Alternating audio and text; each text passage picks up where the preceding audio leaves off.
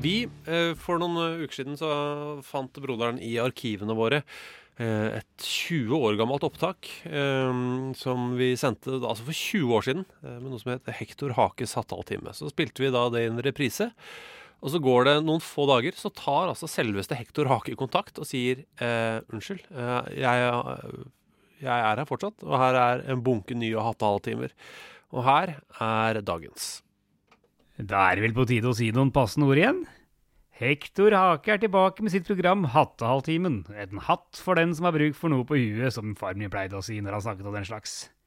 I dag er det jubileum. Totalt 316 stykker, uten at jeg skal komme nærmere inn på det.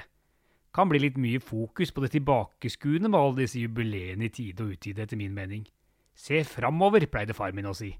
Da er det mindre sjanse for at du kjører av veien eller inn i dine medtrafikanter bakfra. Bakfra skal man helst spare til de store anledninger, mente han visst. Han var litt av en ertekrok, faren min. Skal fortelle mer om ham en annen gang, for i dag skal jeg fortelle en skredder om prim.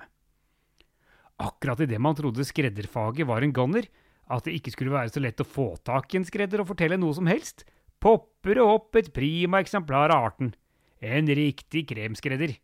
Jeg stappa han inn i varebilen min og kjørte den hit prompte. Nå har jeg malt en ring rundt ham som han ikke tør å krysse. Han er grei sånn, skredderen. Er ikke så vanskelig å kontrollere. Og nå skal han altså sitte der mens jeg forteller ham alt som er å vite om prim. Prim er brunaktig. Det må være det første vi etablerer. Men alt brunaktig er ikke prim. Det er en viktig huskeregel innen logikken, som er en gren av vitenskapsfilosofien. Hvorfor vitenskapsfilosofien er så forhippen på å bruke prim som forklarende bilde, har jeg aldri helt forstått, men det er ingen tvil om at det er anskueliggjørende. Alle kjenner vi prim. Vi kjenner duften av prim, vi kjenner smaken av prim, vi kjenner konsistensen.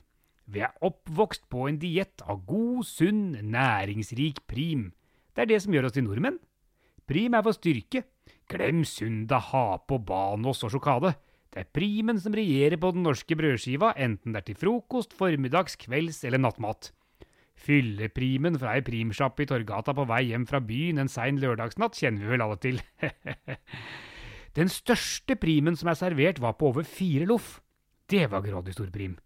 Den minste primen var så liten som et fingerbøll. En gang den datt av tallerkenen, var ingen som fant den igjen på en stund. Det fins et folkeeventyr om det, et av de som finnes i flere utgaver fra flere kulturer, vet du. Sør for Sahara handler om en prinsesse som var så fisefin at de måtte behandle henne veldig forsiktig for at hun ikke skulle nyse.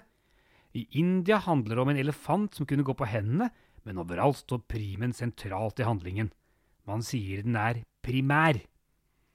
Prim kan brukes til å lokke til seg gekkoer, man kan male uthus med den, og man kan lage en narrebæsj. Unger som ikke vil holde tåta, kan få ei prim å bryne seg på. På nyttårsaften blander man gjerne prim i champagnen for å drøye den litt så den varer til klokka tolv. Neste uke skal jeg fortelle Stein Torleif Bjella om appelsinjuice. Du Du Du hø hø hører på. på Radio Nova.